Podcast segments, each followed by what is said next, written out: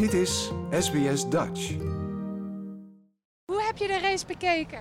Ja, een beetje wisselend. Hè? Met, met, met twee oranje gevoelen. Super blij dat Daniel P6 heeft, hij een super goede race gehad heeft. En eh, ja, de atmosfeer hier is geweldig. Maar ja, die uitvallen van Max was wel een beetje een domper. Ja, ja. Hoe heb je dat ervaren toen dat gebeurde? Nou, niet fijn. Zo van, oh, vreselijk. Want ja, ik ben Daniel-fan, maar ik ben ook natuurlijk wel stiekem een beetje een hele grote Max-fan. Dus ik had een voorspelling gedaan? Max nummer 1. Ja, niet geworden. Nee, dus ja, helaas. En gelukkig Checo eh, wel erop, dus eh, ja. Dus ja, en ja, heel blij met het resultaat. En, en eh, dit is mijn eerste Grand Prix hier. Nou, de sfeer is fenomenaal.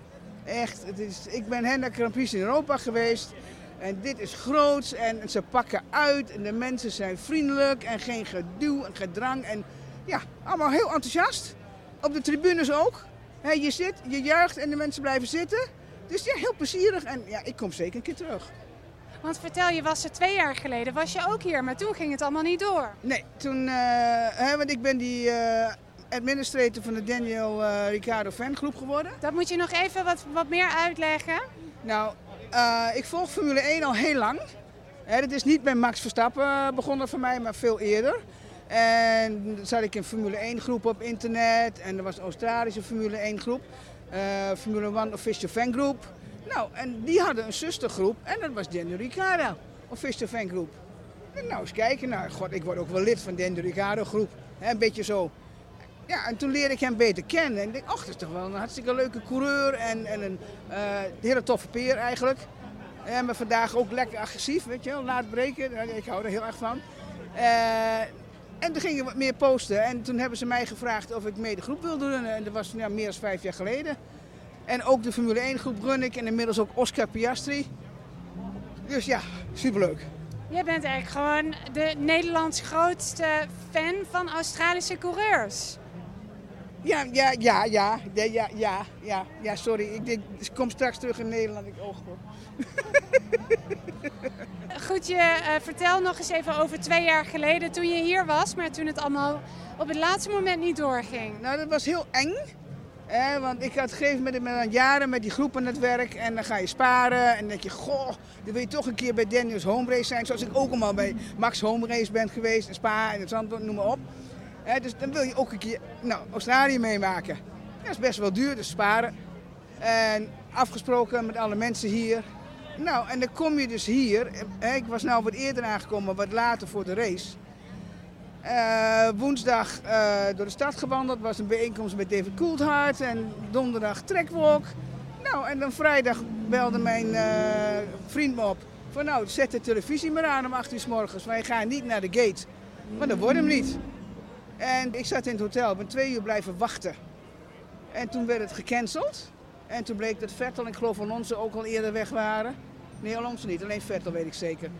En eh, nou, toen brak een beetje de paniek uit hè, over de hele wereld.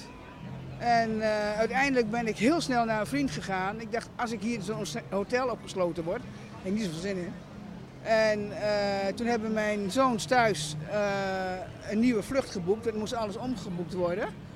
En toen bleek ik dus de laatste vlucht uit Abu Dhabi te zijn. En kennissen van mij hè, die daar woonden en nog spullen uit de flat moesten halen, die zijn vier maanden moeten blijven. En mensen waren toen ook wel kwaad dat de organisatie zo lang had gewacht. Ja, absoluut. Mensen waren super boos overal. Want ze hadden het gewoon de avond ervoor kunnen cancelen. Eh, want er waren gewoon al drijvers weggegaan en ze wisten al dat het niet doorging. En vooral de mensen voor de gate vond ik het super sneu.